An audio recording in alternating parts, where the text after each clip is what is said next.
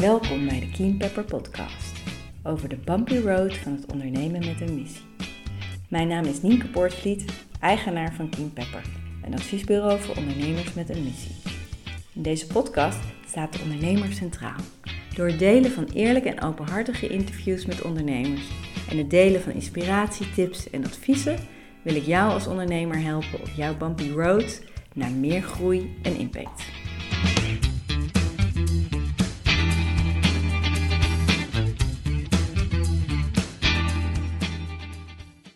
Welkom bij de zesde aflevering van de King Pepper podcast. In deze aflevering hoor je het interview met Marjolein Pleunen, medeoprichter en mede-eigenaar van MeJack. Ze vertelt hoe zij met haar onderneming door de coronacrisis navigeerde, wat voor manier dat een beroep deed op haar veerkracht en wat zij daar uiteindelijk van leerde. Ook hebben we het over de voordelen van het op oudere leeftijd starten met ondernemen en over haar grote idealen en het belang van het vieren van de kleine successen. Ik wens jullie heel veel luisterplezier. Ik zit hier met uh, Marjolein Pleunen, co-founder van MeJack en uh, Keep Jack Rolling Leader. Um, daar wil ik graag straks alles over horen wat dat inhoudt. Maar kan je je eerst even voorstellen voor de luisteraars die jou niet kennen? Ja, uh, dank voor de uitnodiging. Leuk om hier te zijn, uh, ten eerste. Uh, nou, Marjolein is inderdaad um, samen met Kalien in 2017 Me Jack opgericht. Ik woon nu in Leiden tijdelijk. En ehm, ja, wat wil je nog meer van me weten? Ik wil graag alles weten over jouw avontuur met uh, ja, misschien gewoon beginnen bij het begin. Wat, ja. Maar ook niet iedereen kent Me Jack nog. Nee. je hebt het inderdaad opgestart met Kalien van Halder. Ja. vertel, hoe, wat, wat, wat is het bedrijf en hoe, is het ontstaan? Ja. Nou, wat het bedrijf in het kort is, misschien kunnen we straks uh, vast nog wel wat meer over praten. Maar in het kort, wat wij doen is wij maken alternatieven voor vlees van jackfruit. En jackfruit is uh, een van de grootste vruchten ter wereld. De rijpe vrucht kan wel, uh, kan wel 40 kilo zwaar worden en wel 90 centimeter groot. Uh, maar wij gebruiken de onrijpe vrucht. Er zit nog geen suiker in. En de onrijpe vrucht heeft een beetje een vleesachtige, vezelachtige structuur. Dus heel geschikt om, uh, ja, om allerlei alternatieven van vlees voor te maken. Neutrale smaak, uh, vezelachtige structuur zoals ik zei. En het heeft de bite van vlees. En het neemt heel makkelijk smaken op. En wij maken ervan ja, een beetje streetfood. Bitterballen, kroketten, gyros, rendang, curry's, uh, burrito-vullings. Nou, en we zijn alweer bezig met allerlei leuke nieuwe producten. Met spreads en burgers. Dus een, inmiddels al een flinke productlijn. Ja, en dat zijn we dus begonnen in, het, in ja, begin 2017 met een wild idee van Kaline eigenlijk. Die was voor haar vorige baan was ze aan het scouten bij de Biovag in, in Duitsland, de grote beurs. En zij proefde daar een, een curry van jackfruit.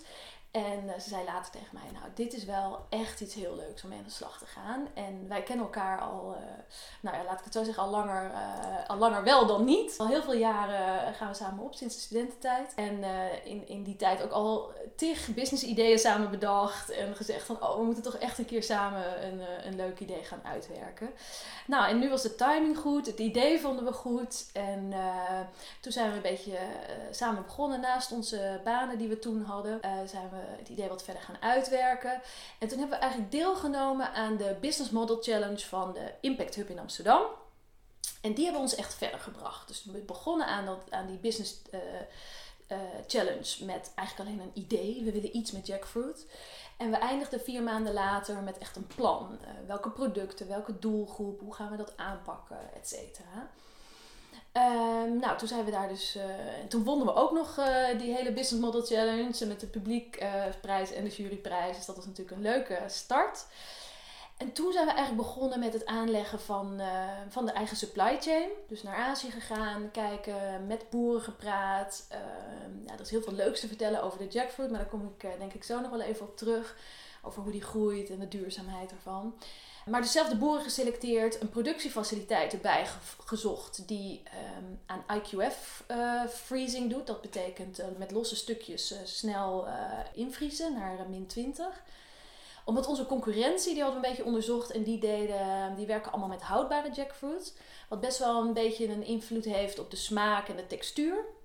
Een beetje vergelijken met een toppertje uit blik Of een doppertje uit de diepvries. heeft net iets meer bite, net iets meer smaak. En een, een beter behoud van de vitamines en, en mineralen. Dus wij hadden snel uh, bedacht van nou, we willen dat diepgevroren naar uh, Europa halen. Er was ook nog niemand, er is nog steeds eigenlijk niemand die dat, die dat ook doet. Zo zijn we gestart en toen in 2018 de eerste recepturen ontwikkeld. Samen met Sam die eerst onze stagiair was, maar die zich heel snel ontwikkeld heeft naar echt een volwaardige product developer.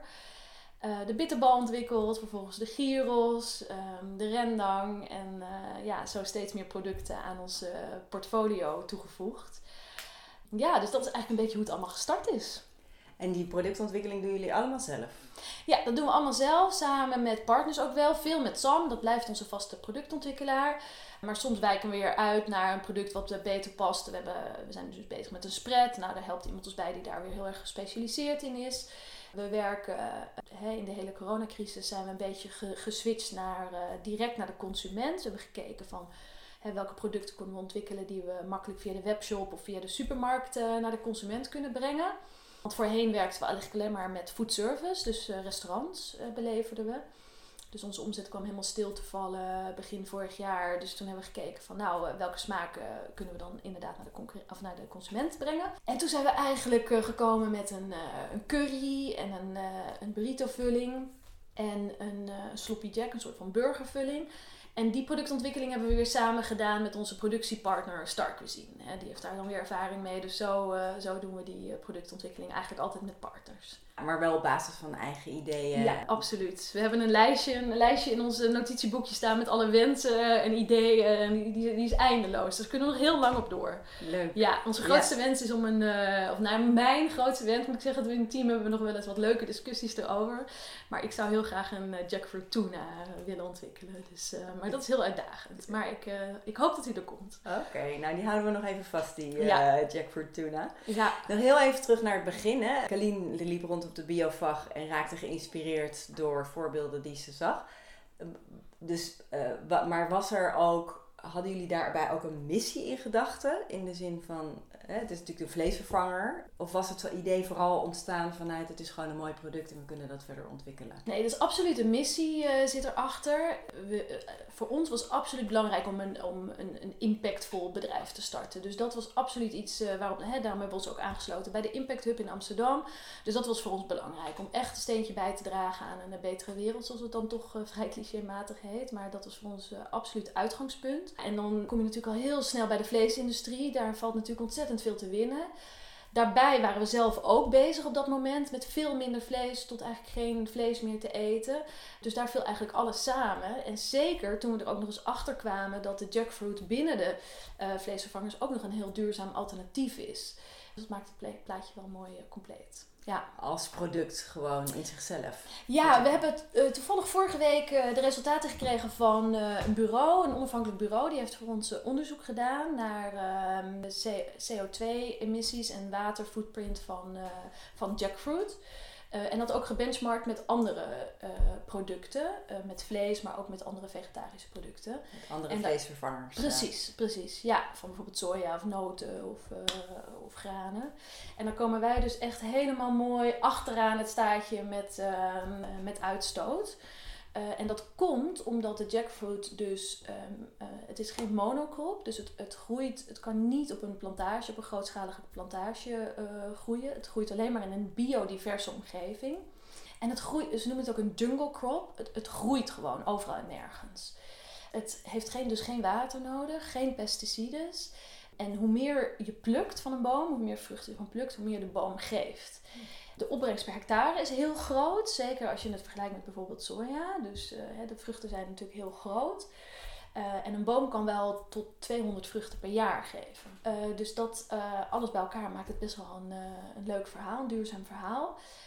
daarbij is de jackfruitboom best wel gewild als houtsoort. Het is een goede houtsoort om meubels van te maken. Um, er werd ook vrij veel gekapt daarvoor. Uh, maar doordat boeren nu zien dat de, de vruchten ook waarde, economische waarde hebben, uh, wordt de boom dus ook minder gekapt. Dus, uh... Ja. Want, want je, je, had het net ook al even over je concurrenten. Uh, het hele idee startte met dat uh, op de biovag zag dat dat product op de markt was. Ja. En dat je daar en de toepassing daarvan. Ja. Um, is het inderdaad ook in de afgelopen jaren?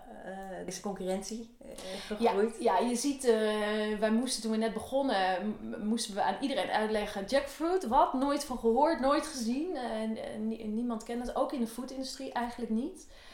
Totaal onbekend. En ja, nu drie jaar later zie je dat, dat iedereen er eigenlijk wel van gehoord heeft. Of, in ieder, of, of geproefd zelfs. Of ermee gewerkt. Heel veel chefs zeggen ook vaak nu al, ja, daar heb ik al een keer mee gewerkt. Of een keer iets mee geprobeerd. Dus daarin zie je ook dat het aantal spelers groeit. Dan moet ik zeggen, in Nederland valt het nog mee. Uh, maar vooral internationaal zien we de jackfruit-merken echt uh, als paddenstoelen uit de grond springen. Wat prima is, want dat, dat, ik denk dat er heel veel ruimte is voor veel spelers. En ik vind het alleen maar heel leuk om te zien hoe, hoe ook meer merken met de naam spelen van Jack. En ja, het is eigenlijk alleen maar heel leuk om te zien. Ja, net als jullie hebben gedaan met Meat Jack. Precies. Ja. ja. En ik nog heel even, even nog nog concreet beschrijven hoe die keten er bij jullie uitzien? Want waar, je had het net over de boeren hè, die jullie zelf geselecteerd hebben. Waar, waar leven die boeren? Waar haal je jackfruit? Ja, op dit moment sourcen we de jackfruit uit Thailand en uit uh, Sri Lanka. Thailand was de eerste supply chain die we hebben opgezet. maar bezig met, uh, ja, we groeien ook. Dus we hebben ook meer jackfruit uh, nodig. En je wil ook niet het risico hebben om van één land of van één regio afhankelijk te zijn. Dus we hebben nu, uh, we sourcen nu uit uh, Sri Lanka, Thailand, maar we zijn bijvoorbeeld ook bezig met Oeganda en uh, dus meer de Afrikaanse regio. Um, jackfruit groeit langs de hele evenaar, dus zowel in Azië als Afrika, maar ook in Zuid-Amerika, in de regio Brazilië, Suriname, in, de, in die hoek. Dus dat zijn eigenlijk allemaal mogelijkheden tot uh, sourcing. En daar op al die, in al die gebieden zie je dat er nog een flink overschot is aan, uh, aan jackfruit. Dus potentie genoeg. Uh, Hey, maar jullie hebben bewust gekozen voor Thailand en Sri Lanka. Ja, daar, waren ze de, daar wordt de jackfruit het meest gebruikt, ook in de lokale keuken al. Ze zijn, uh, ze, ze zijn meest uh, ervaren met uh, recepturen, dus we hebben daar ook veel geleerd. We zijn er allebei twee keer ook naartoe geweest om te leren van de lokale bevolking. Wat kan je ermee? Hoe werkt het? En je ziet dat ze daar ook al verder zijn in het, um, in het sourcen van de jackfruit. Dus het, het, het, het verzamelen van de jackfruit van, van de kleinschalige boeren. Dat verzamelen, brengen naar een productiefaciliteit waar ze blastfreezers hebben. En dat ging eigenlijk het makkelijkst in uh, Azië. En de tweede reden waarom we Sri Lanka ook hebben aangesloten. We zijn dus begonnen met Thailand, omdat die eigenlijk daar het verst mee waren. Dus Sri Lanka hebben we nu aangesloten omdat het toch wat dichterbij is dan, uh, dan Thailand. Dus dat heeft ook weer een positieve invloed op onze, uh, onze CO2-emissies uiteraard. Precies, ja. dat wel wat ik net dacht ja. bij toen je, dat je beschreef van de, de kleine voetafdruk van de ja. jackfruit in zichzelf en het hele productieproces. Maar je moet ze wel van fair sourcen natuurlijk. Ja, dus- nee, dat is een hele terechte vraag. We hebben het bureau ook uh, uiteraard gevraagd om onze hele footprint daarin mee te nemen. Dus echt totdat het bij ons aan de deur uh, geleverd wordt. Dus absoluut ook het transport daarin mee. Dus dat is ook in die berekeningen meegenomen. En daarin zie je dat, uh, ja, je, je, ziet natuurlijk dat container, containerschepen aan zich zijn, zijn zeer vervuilend. Dat weten we natuurlijk allemaal. Doordat containerschepen zo verschrikkelijk veel lood daarop kunnen doen. En als je terugrekent naar een portie jackfruit of een kilo jackfruit dan zie je dat eigenlijk die, die, dat hele transport bijna wegvalt in je, in je CO2-emissies. Dus, uh, dus dat was interessant voor ons om, uh, om mee te nemen. Ja. Neem niet weg dat we natuurlijk zeker altijd zullen zoeken naar uh, de, de beste optie. Dus daarin is Sri Lanka weer, weer een stap vooruit. Ja, dat het gewoon echt wat dichterbij is. Ja. En je hebt dat laten onderzoeken. Uh, in hoeverre heb je ook een ketenonderzoek gedaan? Want je hebt zelf de, de, de boeren geselecteerd. Ja. In hoeverre neem je dan daarin ook mee de werkomstandigheden lokaal? En dat het ook daadwerkelijk uh, ethisch verantwoord ja. wordt uh, geproduceerd en verwerkt? Of wordt het ook lokaal verwerkt? Ja, zeker. Dus het wordt daar lokaal verwerkt, in stukjes gesneden door de blastfreezer en dan op transport gezet. Dus, ja. dus het wordt daar zeker verwerkt. En dat is iets waar we uiteraard naar kijken. We werken samen met een Duitse partner. Daar hebben we onze supply chain ondergebracht omdat we zoiets hadden van ja, wij zijn echt een sales- en marketingbedrijf. Uh, dus we willen, niet, uh, willen ons daarop focussen en niet een, een importeur worden. Dus dat hebben we ondergebracht bij een Duitse partner. Die inmiddels ook investeerder is geworden in ons bedrijf. En die zien daarop toe, die hebben ook al een benodigde fair trade certificeringen, et cetera. Dus die zorgen dat dat, uh, dat dat in orde is. En voor ons, uh, ja, voor ons is het ook belangrijk om dat zelf te zien. Dus daarom willen we ook af en toe daar naartoe reizen om dat te kunnen zien. toevallig hadden we net voor vorig jaar eh, april een reis naar Sri Lanka gepland. Die natuurlijk niet is doorgegaan.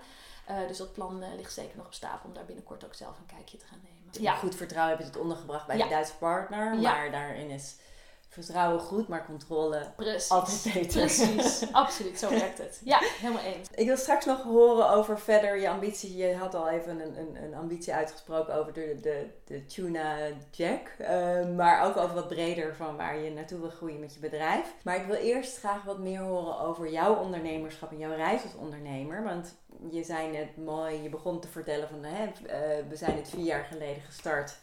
Uh, maar we liepen eigenlijk al heel lang rond met een idee, we moeten samen eigenlijk iets gaan, uh, een bedrijf gaan op, opbouwen, een bedrijf gaan opstarten. Want als ik uh, naar jouw cv kijk, je hebt heel verschillende dingen gedaan. Je hebt bij het Rode Kruis gewerkt, je hebt bij Cordate gewerkt, je hebt marketingposities gehad, je hebt onderzoek gedaan. maar je was nog geen ondernemer. En, en, blijkbaar was die wens er nog wel. En vertelde je net al mooi van, nou, dat, dat was gewoon, alles viel goed samen. En daarom, uh, het moment was goed, het eh, idee was goed en we starten het. Maar, maar kan je daar wat meer over ons een beetje meenemen? Ja. en hoe dat ook voor jou geweest is, vooral. Uh, ja. Wat je daarin...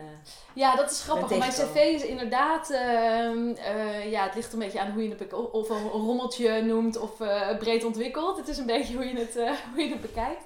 rommeltje zou ik zeker niet, niet zeggen. Een maar, interessante combinatie van, uh, waarvan ik me ook kan voorstellen dat alle ervaring die je hebt opgedaan op een of andere manier ook weer in te zetten is op dit moment. Maar, ja. Nee, dat is absoluut waar wat je zegt. Nou, kijk, het is bij, het is bij mij zeker zo dat ik uh, uh, veel uitdaging nodig heb en in veel dingen geïnteresseerd ben. Veel verschillende dingen heb gedaan, non-profit, profit. en daar dus absoluut wel van geleerd heb. En dat, dat zeker kan meenemen in, in wat ik nu doe. En wat, je, wat, ik, wat mij ook wel een beetje richting het ondernemerschap heeft geduwd, is dat ik toch altijd best wel eigenwijs ben en uh, denk dat ik het beter weet. En dat ben ik in de vorige banen ook wel tegen aangelopen. En dat ik toch wel eens dacht, ja, misschien moet ik het dan zelf maar een keer doen. Kijken of ik het echt zo goed weet of uh, hoe het dan werkt. Of, of in ieder geval, al val je op je neus, maar in ieder geval eens een keer uh, proberen. En het zelf kunnen bepalen. En het zelf kunnen bepalen, precies. Dat vond ik, dat, daar had ik wel eens moeite mee om in de pas te lopen van een bedrijf. mijn laatste baan was bij een middelgroot bedrijf. En dan had ik best wel moeite om te denken hè, dat er dan dingen gebeurden. Ik dacht, ja, ik ben het hier echt niet mee eens. Maar dat moest dan voor hogere hand. En uh, ja, daar had ik uh, absoluut moeite mee. Dus dat heeft mij zeker richting het ondernemerschap gedreven. Ik was nooit zo iemand die vroeger al zei van ik wil ondernemer worden. Dat heb ik nooit zo uh, gehad. Maar het trok me altijd wel. Ik, ik was altijd gefascineerd door mensen die daar wel in aan de slag gingen. Klie en ik waren al wat ouder. Tenminste, als je kijkt naar de gemiddelde leeftijd van start-ups, is dat volgens mij gemiddeld wat jonger. Wij waren al in onze veer, wij waren al boven de 40. En het voordeel daarvan is denk ik absoluut dat je gewoon ten eerste wat meer ervaring hebt. En je netwerk. Daar hebben we ook echt, we hebben echt gebruik kunnen maken van ons netwerk wat we in die jaren daarvoor hebben opgebouwd. Even die bellen, even eh, die sparren. Wij zijn ook allebei, uh, wij werken heel graag samen. We zijn absoluut geen uh, solisten. Durven makkelijk om hulp te vragen. En dat hebben we ook absoluut in de afgelopen jaren en nog steeds, moet ik zeggen. Maar dat hebben we ook echt absoluut in de afgelopen jaren veel gedaan. Veel hulp gevraagd samenwerken, contacten bellen. We lopen hier tegenaan. Heb je tips? En de grootste uitdaging voor ons, die was toch wel dat we allebei niet uit de foodwereld kwamen. Toen ineens bedachten om uh, een foodproduct te gaan starten. En daar gewoon en geen connecties en geen uh, ervaring in hadden. Dus dat was voor ons de grootste uitdaging. We hebben echt alles moeten leren. We hebben alles moeten leren over kwaliteitssystemen, productontwikkeling margeberekeningen. Hoe, hoe zet je een uh, onderhandeling op met de grote handel? Want die hebben weer allerlei uh, berekeningen die ze, uh, die ze... Dan denk je een goede deal te hebben gemaakt. En dan komen ze ineens met allerlei extra toeslagen om de hoek. Dus dat hebben we allemaal moeten leren. Ja, dus steep learning curve zeggen we iedere keer. En, en hoe heb je dat aangepakt? Want heb je daarin ook, je zei net al, we hebben makkelijk in hulp vragen. Ja. Maar hier moest je gewoon helemaal in lezen in een branche en wat je zegt, de dynamiek en de regels en het netwerk. En... Ja, ja, toch echt vallen en opstaan. Gewoon uh, doen. Kaline zegt uh, wel eens in de pitches, die heeft zo'n uitspraak van uh, we've got a plan, it's called doing things. en dat is een beetje het verhaal. Gewoon maar gaan. En ja, soms je neus stoten, vallen, opstaan, doorgaan. Met mensen, heel veel met mensen praten, vragen stellen, samenwerken. Ja, samenwerking zoeken en maar doorgaan. Ja, dus... ehm, En kan je voorbeelden noemen van dat, van dat vallen en opstaan? Van, als je terugkijkt van de afgelopen vier jaar, dat je denkt, nou daarin zijn we echt zo de boot ingegaan, maar uiteindelijk... ja, eh, nou ik denk dat we daar nog drie afleveringen mee, mee kunnen vullen. Echt waar. komt gewoon een part toe. on- oneindig.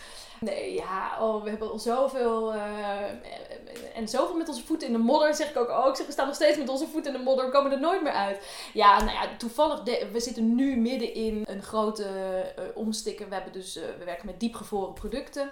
Al onze producten staan in de vriezer. Ik dacht dat het handig zou zijn om onze omdozen, waar onze doosjes in zitten, iets kleiner te maken. Iets minder doosjes erin, bijvoorbeeld van 16 naar 12. Het is handiger voor onze klanten, super slim. Nou, dat doen we eventjes. Dus nieuwe dozen en een nieuw, bij de nieuwe productie. eh, dat allemaal geregeld. Totdat een van onze groothandels aan de bel trok, eh, een paar weken geleden. Van, ja, leuk en aardig, maar de EAN-codes, de, de, hè, de barcodes die erop zitten, die moeten aangepast worden. Want onze systemen, eh, die pakken dat niet als je dat ineens verandert. Waarbij wij net allemaal nieuwe productiebadges hadden gedaan met die nieuwe stickers erop. Dus God. ik had geen idee. Ik zeg, oh ja, zegt hij, dat zo werkt dat, dat weet je toch? Ja, nee, dat, dat nee dus. dat weet dus ik nu. zeg. Wij hebben dagenlang met een team in de vriezer eh, bij min 23 al die stickertjes eh, omgepakt. Ja, dus dat is weer een Oh. voorbeeld dat we er weer stonden. Dat ik dacht, nou ja, goed. Learning by doing. En, en ook wat je net zei, eh, met je voeten in de modder. En er zelf ook gewoon weer staan. Ja, Ja. met de stagiaires en, eh, en met iedereen in de vriezer, een teampje. En ja, gewoon weer een paar dagen de vriezer in. En met je wollen muts op. Ja, en je park, en- precies. Ja, vorige week was het op een van die warme, of twee weken geleden was het op een van die warme dagen. En dan in en uit. Je kunt er ook niet te lang in die vriezer blijven. En dat is niet heel gezond. Maar goed, zo hebben we, ja, de, maar ook met productontwikkeling in het algemeen.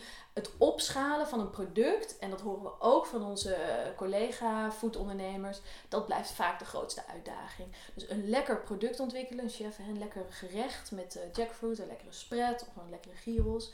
Dat is niet zo heel ingewikkeld. Maar het opschalen, dus van eh 1 kilo eh, lekkere gyros naar ineens 10.000 kilo in een machine en in, in een fabriek eh, draaien. Dat is, dat is niet zo makkelijk. Het is niet zo dat je dan gewoon het recept keer 1000 doet of keer 10.000.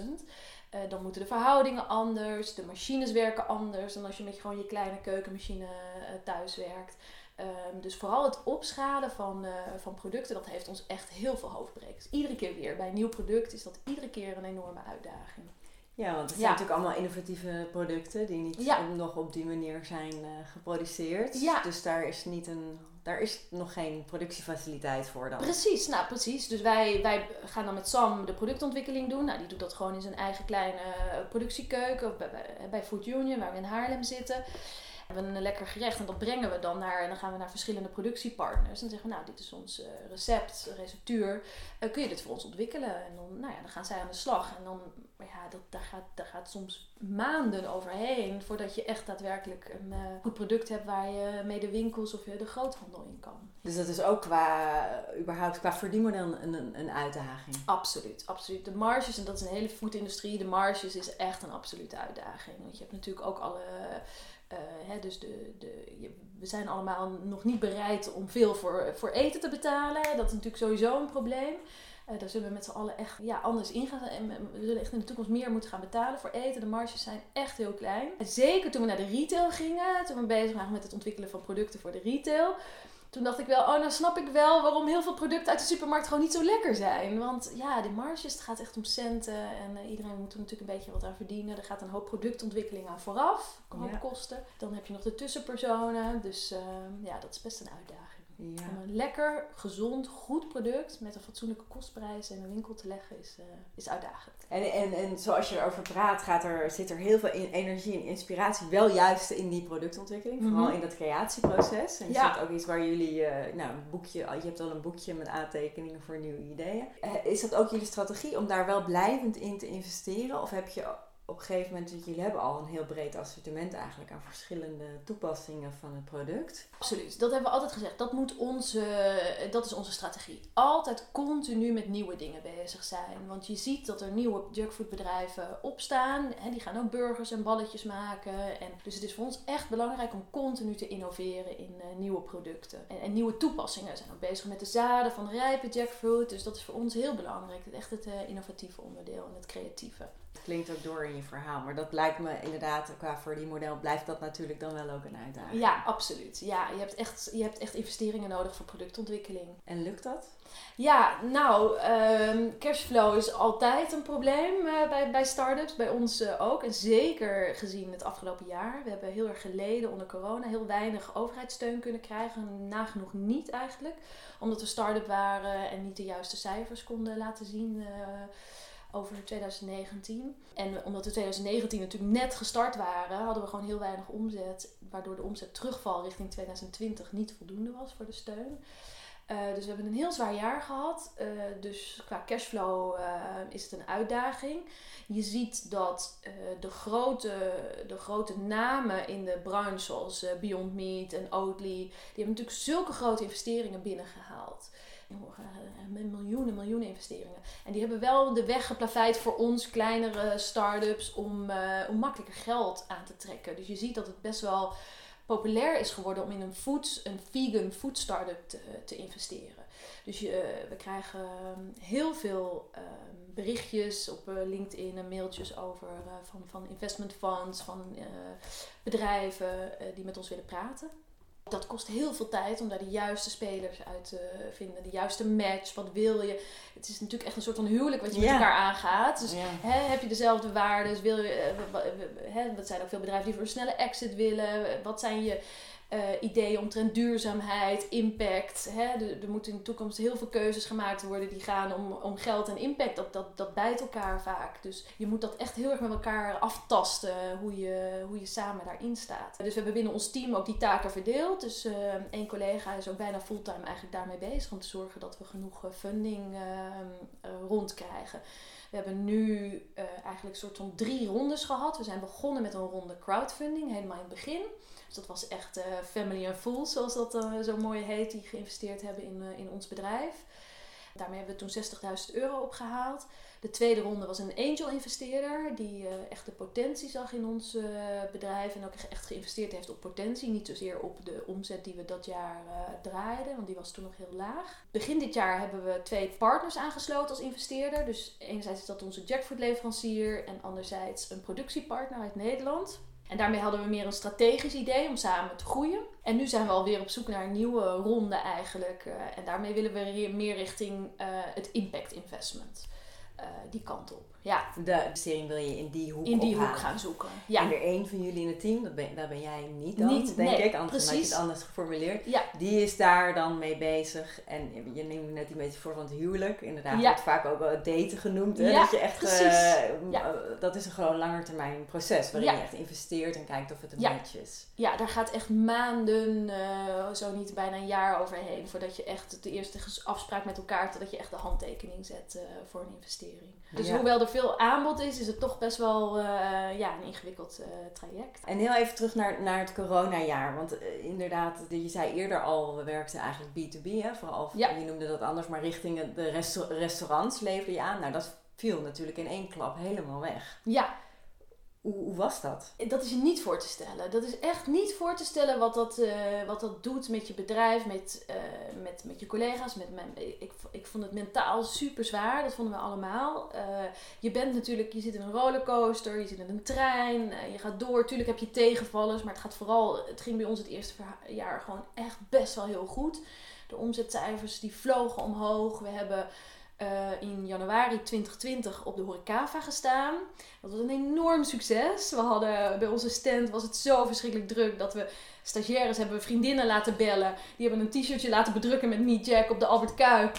Uh, en die hebben gezegd, nou dit zijn we, dit verkopen we, hup, gaan. We, konden het gewoon niet aan. Het was, we, we hadden de bitterballenfrituur bij onze stand, het was niet aan te slepen. Dus, en dat zag je meteen, we hebben daar ter plekke de rij zelf als klant uh, ingeschreven. Um, je zag meteen de omzet in februari 2020, uh, die was ongeveer het dubbele van januari 2020. Dat was, we zaten helemaal op onze high. We dachten, nou dit, dit, dit is waar we anderhalf jaar voor gewerkt hebben, bijna twee jaar waren we toen bezig nu gaan we los. En toen vielen we dus helemaal stil. Het was echt, ja, het was, we moesten wel grote handels vroegen ons om de voorraden terug te kopen. Het was echt, uh, ja, zoiets ben je totaal niet op voorbereid. Er was natuurlijk niemand op voorbereid. En je denkt dan nog, wij waren heel optimistisch. Van nou ja, eh, ik denk dat iedereen dat toen nog wel was. Uh, een paar maanden. Nou, het zeiden we jongens, we gaan nieuwe producten ontwikkelen. We gaan onze processen, want omdat we zo hard aan het groeien waren, was het de back-office best wel een beetje een rommeltje. We gaan onze back-office uh, op orde maken. We gaan een, uh, we reden nog zelf alle bestellingen uit met cool, van die elektrische koeldozen in onze eigen auto's. We gaan een distributeur aansluiten, nieuwe producten ontwikkelen al onze financial sheets op orde brengen. Dat hebben we ook allemaal gedaan. Maar goed, dan ben je drie maanden verder en dan is er nog geen enkel zicht op uh, omzet. Ja, en dat, toen werd het zwaar. De tweede helft van, uh, van vorig jaar vonden we echt heel zwaar. En zeker ook uh, de eerste maanden nog van dit jaar. Die, ja, dat is echt. je denkt, gaan we het overleven? Vinden we dit nog leuk? het alleen maar tegenslagen. Je hebt geen. ja, zijn allemaal heel resultaatgericht. Uh, dus dat vond ik heel moeilijk. Ik ben zelf heel resultaatgericht. Dus ik vond het heel moeilijk dat het alleen maar eigenlijk een beetje negatieve energie was. We zaten met grote voorraden die uit de, uit de houdbaarheid, uh, uit de THT liepen. Uh, dus je bent de hele dag alleen maar bezig met problemen oplossen. En er staat geen enkel succesje eigenlijk tegenover. Dus dat was, dat was pittig ja, kan niet anders. En, en, geen perspectief ook natuurlijk. Precies. We hadden geen idee. Hoe lang gaat dit nog duren? Hoeveel, ja, je, je, je burning rate, hè? Je, je, je, je, geld gaat er natuurlijk doorheen. Je moet, uh, we werken veel met freelancers. Die moesten we natuurlijk ook allemaal on hold zetten. Dat, ja, dus je, je hebt geen idee waar, waar gaat het naartoe. En uh, wat kun je mensen toezeggen? Hoe kun je mensen nog, toch nog een beetje aan boord houden in je team? Dus, uh, dus dat was pittig. Hoe, hoe, ga jij daar dan mee om? Jij als, uh, als mens. als mens. Ja, ja, uh, ja ik, ik ben zelf wel echt van het doorbikkelen. Daar, daar ben ik dan zelf best wel goed in. Dus toch gewoon doorgaan. Uh, gewoon en verstand op verstand nul. Verstand op nul. En ja, ja en dat, dat, dat, ja, dus, en dat, dat is gelukt gelukkig. Maar het was niet altijd leuk. Nee, dus wel gewoon door. En dat merken we nu, nu we echt natuurlijk de, de ja, bestellingen gaan bij ons door het dak. Gelukkig, zeker met die mooie weken van de afgelopen twee weken. De bitterballen zijn niet aan te slepen. Zijn we weer een beetje terug in de, in, in, in de flow. Maar je merkt dat je, dat je, je rek echt, uh, die, die, moeten we even goed, de, de energie goed terugvinden. zijn we nu gelukkig, uh, nu gelukkig op de goede, goede weg terug. Dat is gewoon een aanslag natuurlijk. Het is op alles. echt op een aanslag op alles. En hebben jullie ook overwogen om want je bent al nu uh, die overstap gemaakt om ook meer voor de consument direct ja. te gaan. En, want dat liep natuurlijk wel door. Dat, is, dat heeft iedereen gedaan. Ja. Dat is natuurlijk het enige wat je dan kan doen. Ja. Uh, zorgen, je zit met al je voorraden. Dus als je niet naar, naar de B2B, niet naar de. Want we hadden ook een paar grote cateraars als bedrijfskateraars, als klant, uh. Dus ja, als dat allemaal stil ligt, is die enige weg is naar de klant. Dus je gaat werken aan boxen. We hebben meegedaan aan allerlei boxen, een eigen box gedaan. We hebben een eigen webshop gelanceerd. We zijn natuurlijk uh, als een gek alle grote supermarkten gaan uh, mailen en bellen. Maar je zag wel, dat deed iedereen. Dat deden al onze foodpartners deden dat. Dus de concurrentie is ook weer enorm. En, en de, hè, de, de supermarkten die ruiken natuurlijk ook hun kans om de... Hè, te, precies, die ga je toch even wat scherper uh, de, de, de duimschroeven aandraaien. Dus uh, dat was ook nog niet zo'n hele makkelijke strategie. Bovendien moet je natuurlijk ineens heel snel switchen. Je moet je weer eigen maken. Wat zijn de eisen in de, in de supermarkt? Welke smaken, welke producten passen daarbij? Maar dan moet ik zeggen, uh, dat heeft ons ook wel weer echt superveel geleerd. Want daardoor, we hadden altijd al het plan om naar de supermarkt, de retail te gaan. Alleen die plannen hadden we ergens op 2022 gezet. En doordat we nu in zo'n korte tijd, um, eigenlijk een soort van pressure cooker, uh, moesten we dat ontwikkelen. Ja, heeft ook wel weer ons veel gebracht. Het was uh, af en toe wel stressvol, maar uh, ja, het heeft ons ook wel heel veel geleerd in een hele korte tijd. En we hebben veel kunnen testen. Dat was natuurlijk echt het voordeel in die tijd. De consument was ook heel erg eh, bereidwillig natuurlijk om maaltijdboxen te bestellen. En dat shop local, help je lokale ondernemer. Dus we hebben ook veel garage sales gedaan in Amsterdam en in Haarlem waar we zitten. En daardoor konden we wel ehm, testen wat werkt en wat, wat werkt niet. Dus heel snel, heel uh, snel die productontwikkeling doen. Omdat we snel gewoon die feedback kregen. Dus dat Vali het validatieproces ging Precies. Dat, ja. dat woord zocht ik. Ja. Want dat, dat, dat is inderdaad mijn, dat, dat was mijn vraag. Want wat heeft het je ook opgeleverd? Dus in die zin in sneltreinvaart toch andere, andere kanalen en andere manier van business doen geleerd. Ja. Heeft het jou persoonlijk ook daarin nog iets opgeleverd? Nou ja, je leert jezelf natuurlijk ook wel kennen. Dat je denkt, nou ja, oké, het ondernemerschap is niet alleen maar uh, roze geur en maneschijn en vooruit en meer en uh, sneller. Dus ja, je valt, je valt natuurlijk stil. En uh, dus het heeft mij ook wel geleerd van hoe reageer ik daarop? En ja, welke manieren moet je daar zelf in zoeken om, om mee om te gaan? Dus in het team hebben wij daar ook over gehad. En ook echt wel gekeken van uh, ja, hoe kunnen we zelf zorgen dat we mentaal sterk blijven.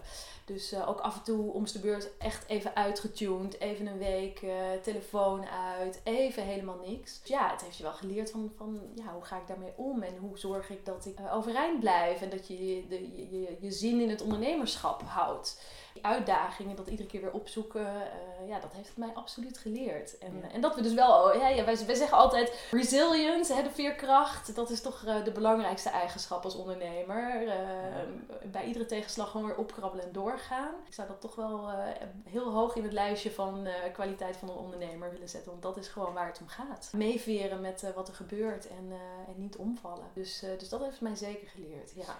Ik vond dat ook tijdens de crisis, ook die horecaondernemers die dan toch weer op een andere manier zochten om, om, om toch inderdaad eh, maaltijden gingen bezorgen. Of op allerlei manieren toch probeerden er, doorheen te komen. En dan die veerkracht. Dat is altijd uh, heel inspirerend vind ik. En terecht wat je zegt, het moet hoog op het lijstje van wat je nodig hebt als ondernemer. Ehm, en dat is iets wat je waarschijnlijk al had, maar wat dan nu even heel erg getest werd aangesproken. Is. Absoluut, absoluut. Ja, we zaten wel eens en dan zei ik altijd, we riepen altijd tegen elkaar, wij zijn super veerkrachtig, wij kunnen dit. Maar dan zat je er weer helemaal doorheen met tranen in je ogen. En dan zei ik, oh, maar zijn we dat dan wel echt? Zo maar goed, ja, precies. Ik voel het niet, ik heb het niet. Dus die momenten zijn er echt geweest, ja, absoluut. En mooi wat je beschrijft, simpel, maar echt zo lastig ook te doen. Juist als je in zo'n crisissituatie zit en, en door moet en je bedrijf zo langzaam ziet afbrokkelen voor je ogen. Om toch dan af en toe even een week uit te dat dan Ja, en te blokken en even gewoon op te laden. En, ja. Uh, dus dat hebben we echt een beetje onderling ook afgedwongen. Zo van, nou, dit, die tijd moet je... En ik ben degene, als marketing het horen, een beetje het core team, dan moeten ze lachen, denk ik. Ik ben degene die daar het meeste moeite mee heeft dat uittunen. Dus vooral voor mij was dat wel uitdagend. Maar het belang daarvan is juist nog een keer Heel extra, extra ja. onderstreept. Ja. Noemt het core team, hè? Dus Maarten en Kalien uh, en jij. En daaromheen is er inmiddels een heel team uh, uh, gegroeid. hoe, zijn, hoe is de rolverdeling? Want we hadden het in, ik kondigde jou aan met Keep, keep Jack Rolling, leader. Ja, die term heb ik niet zelf verzonnen hoor. Dat is een collega van social media. maar goed. Ja. Maar die komt ergens vandaan. Ja. Kan je wat vertellen over jouw rol en ook over hoe die rolverdeling is, is zo ontstaan? Ja, in het begin, uh, als je begint, Kalien en ik waren echt met z'n tweeën. Dus het was gewoon, in het begin trokken we ook heel veel samen op. We deden eigenlijk nagenoeg alles samen. Uh, dingen bedenken, dingen uitwerken, naar afspraken. het was altijd uh, met z'n tweetjes en ook heel gezellig altijd altijd. Maar ja, naarmate je groter wordt, moet je natuurlijk taken gaan verdelen. Dus het is niet efficiënt meer. Uh, dus dat uh, naarmate we groeiden, hebben we de taken echt wat meer verdeeld. En toen ook gekeken, nou, wat, waar ben je goed in en wat vind je leuk? Ik, zeg altijd een beetje met een knipoog van Kalien doet de leuke dingen en ik doe de saaie dingen. Dat is dan een beetje de, de, de taakverdeling geworden. Zij doet dus meer de marketing, communicatie, branding, dat stuk. Productontwikkeling productontwikkeling moet ik zeggen, dat hebben we wel eigenlijk best wel verdeeld, omdat dat zo'n groot onderdeel is van ons werk. Ik doe meer uh, operations, finance, sales, kwaliteitssysteem, uh, dat soort zaken. ja, en dat is puur omdat we gewoon allebei daar, Kalien is creatiever, um, ik ben beter met, met Excel, zoals we dat altijd zeggen. En sales gaat bij mij ook altijd vrij makkelijk en vind ik ook leuk om te doen. Dus dat is hoe we de taken hebben verdeeld. Dus jij doet meer de achterkant, kan ik eigenlijk. Ja, sales is natuurlijk ja, wel heel meer, dus het is een beetje moeilijk. Ja. ja. En Maarten die is dan meer, die doet echt het strategische partnerships, langetermijnzaken, de grotere partnerships, de funding. Dus zo is het, uh, zo is het verdeeld. Ja. En, en jij zegt, uh, doet de leuke dingen, ik de saai dingen. Uh, ik heb ook uh, Marieke Hart geïnterviewd, die thuis afgehaald heeft opgericht. En zij had op een gegeven moment een operational manager aangenomen die dan alle dingen ging doen die zij heel vervelend vond. Ja. Maar die, eh, die operational manager hartstikke leuk, Leuk. vond en helemaal door tanden in wilde zetten. En- Dus dat is natuurlijk een heel subjectief iets. Absoluut. Nee, sowieso is het. Daarom zeg ik het ook met een knipoog. Ja. Zo, zo voelt het ook. Het is alleen zo. En we hebben gelukkig nu ook een operations collega sinds een paar maanden. Daar ben ik dan weer heel blij om. Want dat is het, eh, het hele ding als ondernemer. Ja, je moet natuurlijk gewoon alles doen. En het is helemaal niet dat je daar per se... Want het is niet per se dat ik nou een enorme Excel-goe ben. Helemaal niet. Maar ik was toevallig net iets beter dan Maarten en Eline. Dus kreeg ik het in mijn schat. Dus, eh, dus ik ben ook wel heel blij. Want eh, ja, dat is natuurlijk ondernemer. Elk mailtje dat je binnenkrijgt, je kunt niks doorsturen. Ik kwam hiervoor van een marketing eh, manager en ik had een, een paar eh, teamleden onder mij. En dan kon je natuurlijk gewoon dingen lekker doorsturen. Dat je denkt, nou, je hebt geen zin in, want dit vind ik lastig. En nu, alles wat je binnenkrijgt, alles moet je zelf oplossen. Elk probleempje, elk dingetje. En dat, dat werd op een gegeven moment best wel een beetje pittig. Dat je denkt, ja, ik heb het ook al zoveel keer nu gedaan. Nu tijd dat iemand anders het een keer doet. Dus dat is wel heel fijn, dat we nu inderdaad iemand hebben voor operations.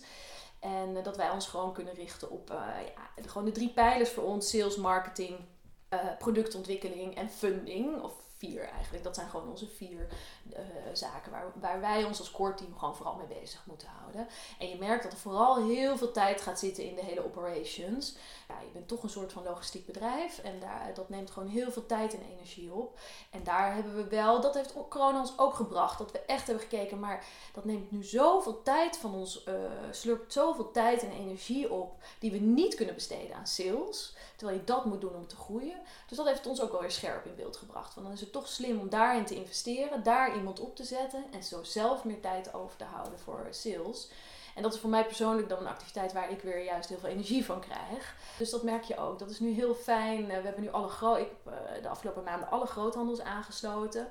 Om te zorgen dat ze dat dan ook daadwerkelijk echt gaan bestellen en in, de, in alle hun vestigingen op de schappen leggen. Is het ook belangrijk om er overal langs te gaan. Dus dat ik ben nu met een hele Hanelstoer bezig. Dus dat is natuurlijk hartstikke leuk om te doen. Ja, Dat vind jij heel vind erg ik leuk. heel leuk om te doen. Ja, andere mensen denken, nou dank je. Ja, maar het is mooi wat je beschrijft in zo'n beginfase van een onderneming. Moet je eigenlijk ook alles een beetje kunnen. En Ja. Het is ook niet reëel dat je alles een beetje kan. Maar eh, dat, dat, je, kan, je hebt gewoon die financiële ruimte natuurlijk in het begin ook niet om dingen dan daarin uit, uit te Absoluut besteden. niet, absoluut niet. Ja. Zeker het hele finance stuk, waar hadden we allebei eigenlijk weinig kaas van gegeten. En je wilt liefst natuurlijk gewoon meteen een soort van accountant in dienst nemen of een, een boekhouder, iemand die dat gewoon allemaal voor je doet. Maar dat, ja, je moet, in het begin doe je alles, het eerste anderhalf jaar heb ik gewoon alles zelf gedaan. Zelf met heel veel hulp van, hè, dat, wat ik in het begin zei, we hebben gewoon heel veel hulp ingeroepen. Een goede vriendin van mij, die is eh, financieel directeur bij een eh, grote evenementenlocatie. En die heeft mij helemaal geholpen met, ja, hoe doe je dat nou, een boekhouding opzetten? Ja, dus je moet alles leren. En dat heb je wel helemaal zelf opgezet. Dat En- hebben we, ja, eh, hoe het er nu uitziet, moet ik zeggen, ziet er een stuk beter uit, gelukkig, dan, dan hoe we ooit begonnen. Maar eh, ja, we zijn absoluut zo begonnen. Ja. En heb je het idee dat je, eh, zou je ooit weer terug kunnen in, in loondienst? Of, ja, die vraag wordt me best vaak gesteld. En eh, een half jaar geleden dacht ik, oh, had ik maar gewoon een baan in loondienst. En die mensen zitten nu allemaal lekker yoga te doen thuis. En wij waren alleen maar keihard aan het werk. Ik denk het niet. Nee, ik denk het niet. Nee. Nee. Nee, ik, eh, het bevalt me wel. ja. met alle ups en Met downs alle en ups en downs en de uitdagingen en de, ja, toch ook wel de energie en de dynamiek. En eh, heeft eh, voor mij absoluut, ook inclusief vorig jaar, eh, staat nog steeds dik in de plus, het ondernemerschap. Ik vind het echt heel leuk. En, en wat is je droom voor Me Jack? Hè? Je, een kleine droom hebben we al, al een paar keer benoemd van de Tuna Jack. Maar hebben jullie, hebben jullie zo'n stip aan de horizon? Wie zo'n big Harry? Ja, Big Harry Goal. ja, nou, we hebben niet één Big Harry Goal, maar eh, wel verschillende. We hebben op verschillende vlakken, we hebben qua productontwikkeling nog best wel wat ik zei, we zijn nog bezig met de zaden. We hebben qua productontwikkeling nog echt wel een aantal ideeën die we echt wel binnen nu een twee jaar, twee, drie jaar willen gaan eh, verwezenlijken. verwezenlijken.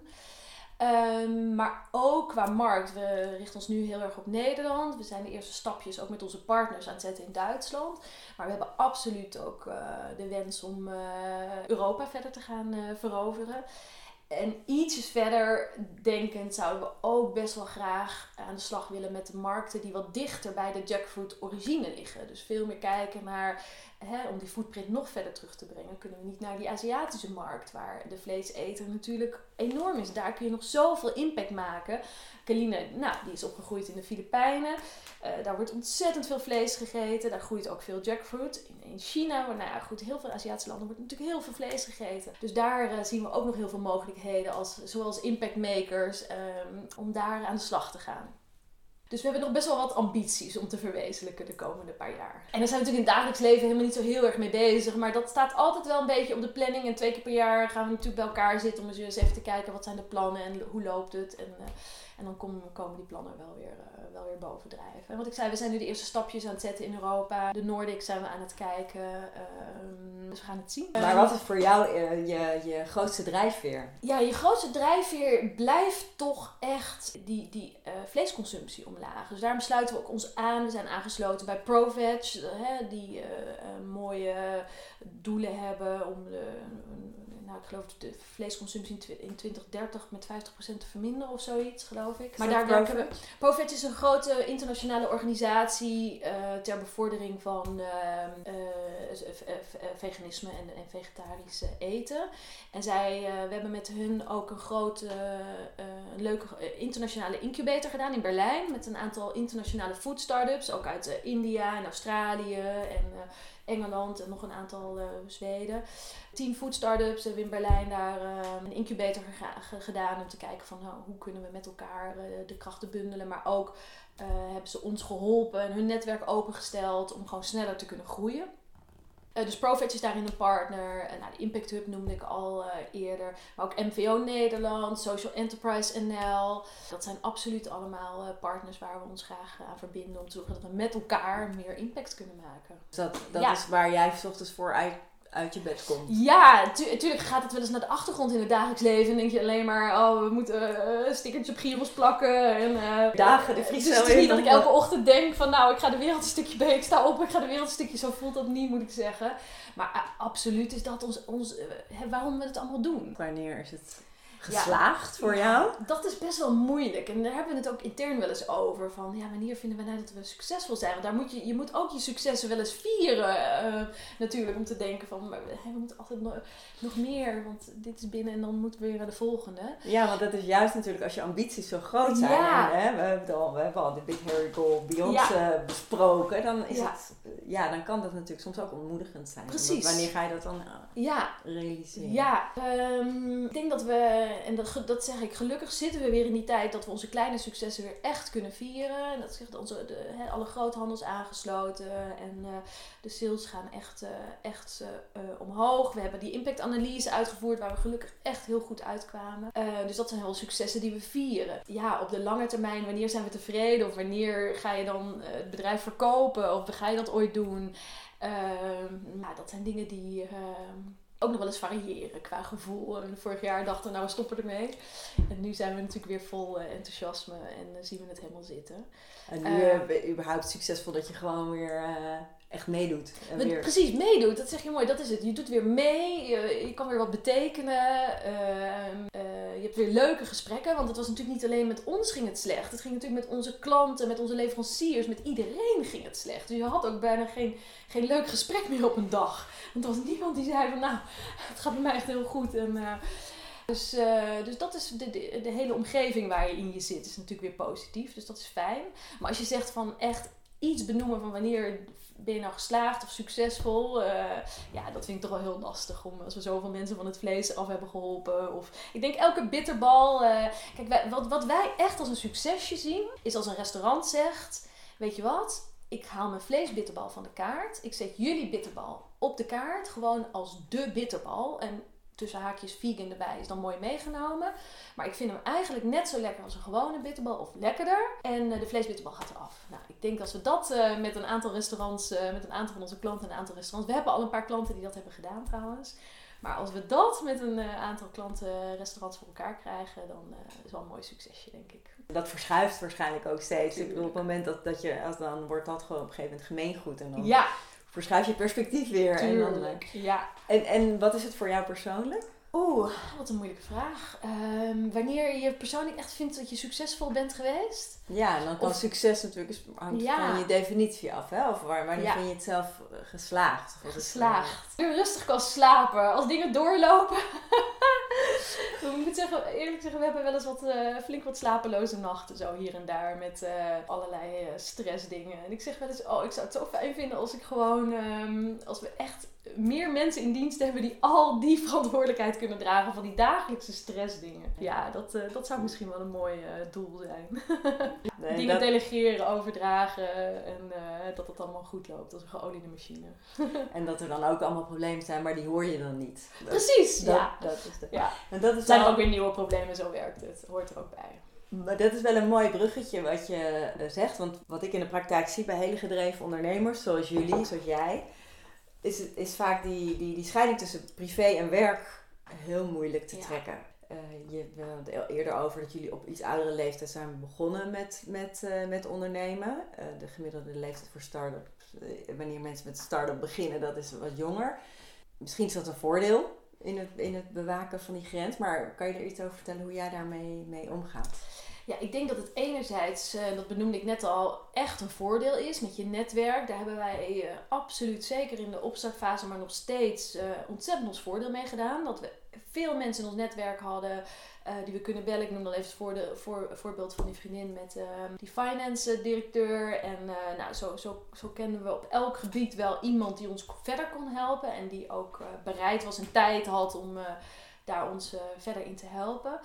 Ik denk toch ehm, dat het ook zijn voordeel heeft in relativering. Ik, ik zie wel jonge ondernemers echt wel stuk lopen. Die gewoon eh, echt 80, 100 uur in de week werken. En daar... eh, eh, ik sprak toevallig een paar weken geleden een, eh, een, een collega, ook een vegan bedrijf, die zei: Nou, ik heb het idee dat ons hele team tegen een burn-out aan zit. Dat we straks met z'n allen gewoon omvallen. Dat hebben wij niet. Dat hebben wij niet. Dat hebben we nooit gehad. Dat hebben we ook vorig jaar niet gehad. Daarin denk ik dat je toch iets beter op jezelf let.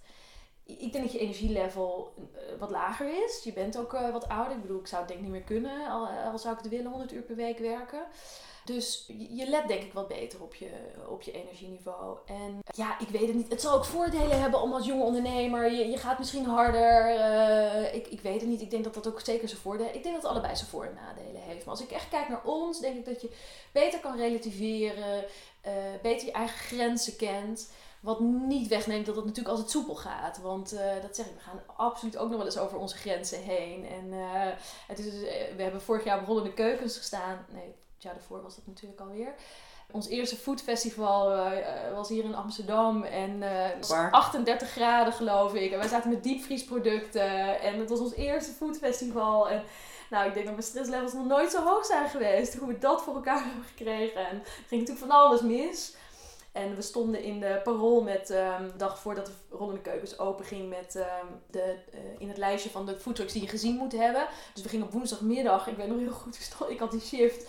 We gingen op woensdagmiddag om 12 uur geloof ik, moesten we open. En er stond om half 12 al een rij met 20 van die influencers die natuurlijk allemaal dat, dat lijstje gingen afwerken. En, en we hadden het niet voor elkaar. En nou ja, goed, voor de schermen is het allemaal eh, goed gegaan, maar achter de schermen was de stress. En dat, die, die week nou, ik heb ik heb nog nooit in mijn leven zo hard gewerkt en zoveel stress gehad. Dus het loopt natuurlijk niet altijd soepel. Maar goed, eh, dat hoort er ook bij.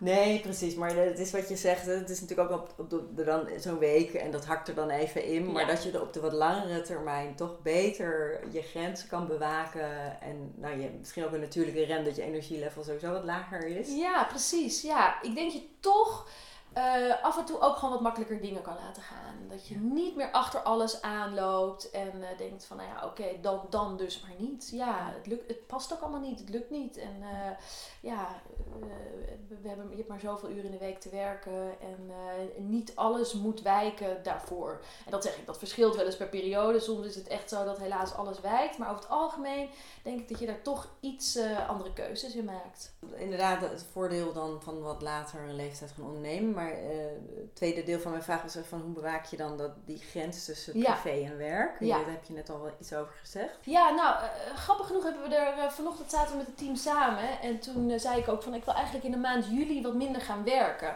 Werk ik fulltime, dus misschien wel gewoon drie of vier dagen in de week. En uh, meer ook gewoon zelf je yoga klasjes in uh, plannen. Nu, de afgelopen uh, twee maanden was gewoon best wel hectisch en druk. En dan zie je van, nou, als er tijd overblijft, dan ga ik naar yoga. Dus ik wil toch eigenlijk weer wat meer omdraaien. Gewoon zorgen dat ik mijn planning in de week geregeld heb. En dan vervolgens je werkuren daaromheen wikkelen, om het zo te zeggen. Dus dat is voor mij wel iets waardoor ik denk, oké, maar dat is voor mij dat ik moet bewaken. Ik moet dus zorgen dat ik mijn ontspanning heb ingepland. En uh, niet zomaar als, als rest uh, onderdeel van de week, als ik oh, tijd over heb, ga ik nog een uurtje sporten. Nee, echt inplannen en doen. En daaromheen je werkdag vouwen. Ja. En dat is natuurlijk het voordeel als ondernemer. Dat vind ik echt een voordeel. Je hebt gewoon volledige controle over je eigen agenda. Ja. En dat geeft ook rust. En daardoor, jij bent ook de enige die dat bepaalt. Dus jij moet ook zorgen dat je dat goed indeelt. En dat je dat goed, uh, die agenda gewoon goed managt. En uh, ik denk dat dat een hele belangrijke is. En dat is af en toe een uitdaging. Maar voor mij persoonlijk, als je dat inderdaad zo vraagt, dan zou ik zeggen van nou, uh, op die manier probeer ik dat zo goed mogelijk uh, te doen. ja, want, want het is een, een heel groot voordeel, maar ook natuurlijk tegelijkertijd ook een hele grote uitdaging. Ja, je, absoluut. Ja. Ik had laatst ook lunchen als ik aan het werk ben, is altijd een beetje hapsnap tussendoor achter de computer. En dan was ik bij een lunchtentje waar ik vaak kom. En toen ja. zei, die weet, daar heb ik altijd wel een praatje mee, dus die weet een beetje waar ik mee bezig ben. Ze zegt, jij gaat nu zitten. Ja. in de zon. Ja. En jij gaat gewoon een half uur lunchpauze ja, halen. Je telefoon weg. je telefoon uit. En gewoon even. En toen hadden we het ook over dat dat als dat je je eigen baas bent. Dat dat dan het, uh, soms ook heel lastig is om dat juist wel te Helemaal waar. En bij ons is het zeker waar. Ook omdat de chefs. Want wij Clinic zijn begonnen met gewoon restaurantje voor restaurantje aansluiten. Dus die hebben allemaal ons mobiele nummer. Gewoon je privé. Dus wij krijgen, ik krijg gewoon ook op zondagochtend om 10 uur een chef die uh, in zijn restaurant binnenkomt. En denkt, hé, hey, mijn bitterballen op. Ja, die belt mij gewoon op zondagochtend op. Dus kan ik, dan kan ik een doosje bitterballen. Ja, in principe hebben we daar nu een ander systeem voor. Ja, zegt hij, ik vergeten, weet ik. Maar ik vergeten. Ik heb nog geen tijd gehad om te installeren. Dus, dus daarin, wij hebben uh, best wel lang het gevoel ook gehad van we zijn onmisbaar eigenlijk. Omdat uh, ja, iedereen, alles loopt, alles loopt via ons. En dat is best wel zwaar. Als, hè, van eigenlijk kun je je telefoon niet uitzetten, want er komen gewoon bestellingen op binnen. En, uh, dus daar hebben we wel echt naar gekeken, van hoe, uh, hoe kunnen we dat beter organiseren. En ook dan denken, ja, dan is het dus maar zo, dan missen we dus een bestelling. Ja, als, we hebben dat uiteraard netjes gecommuniceerd naar onze klanten, dat we op een andere manier gaan werken. Maar goed, dan is het maar zo. Maar dat is helemaal waar. Dat, ik vind dat best wel moeilijk om dan dus op zondagochtend niet op te nemen of te zeggen van sorry, morgen ben je de eerste. Ik moet zeggen, dat, dat doe ik ook eigenlijk niet. Ik bedoel, dat, dat zit er dan toch in. En dat, uh, dat gaat wel een beetje 24-7 door. Maar het wordt minder. Dus inderdaad een kwestie ja. van anders organiseren. En op het ja. moment dat je iemand voor operations hebt, dan is ja. dat gewoon het aanspreekpunt. En, uh, maar dat heeft wel even gekost. Omdat Celine en ik hebben dat allebei. Wij willen echt heel graag de, die klant. Uh, de, ja, de klant is heilig. Daar hebben we wel wat mensen uit onze omgeving voor nodig gehad. Die gezegd hebben vanuit onze directe privéomgeving. Van nou, dit is misschien niet heel gezond. Om gewoon dag en nacht maar op je telefoon bezig te zijn. En jij zei net, juli ga ik minder werken.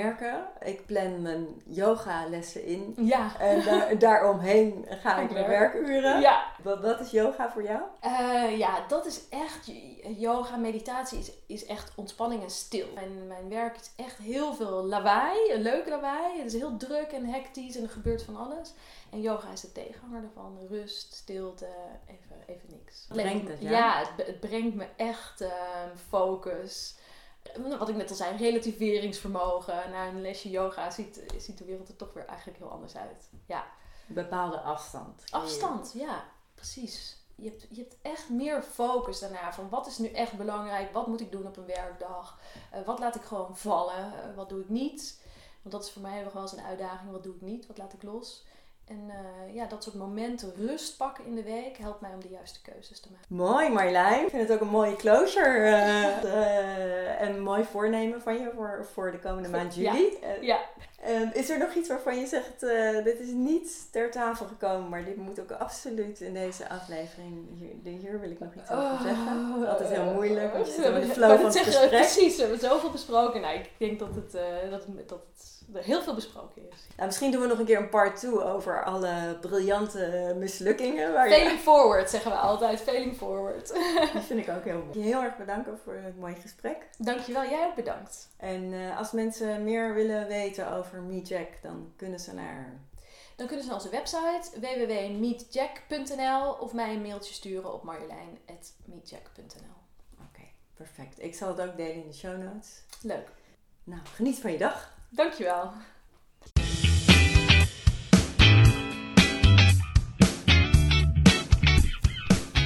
Dank voor het luisteren naar de Keen Pepper podcast.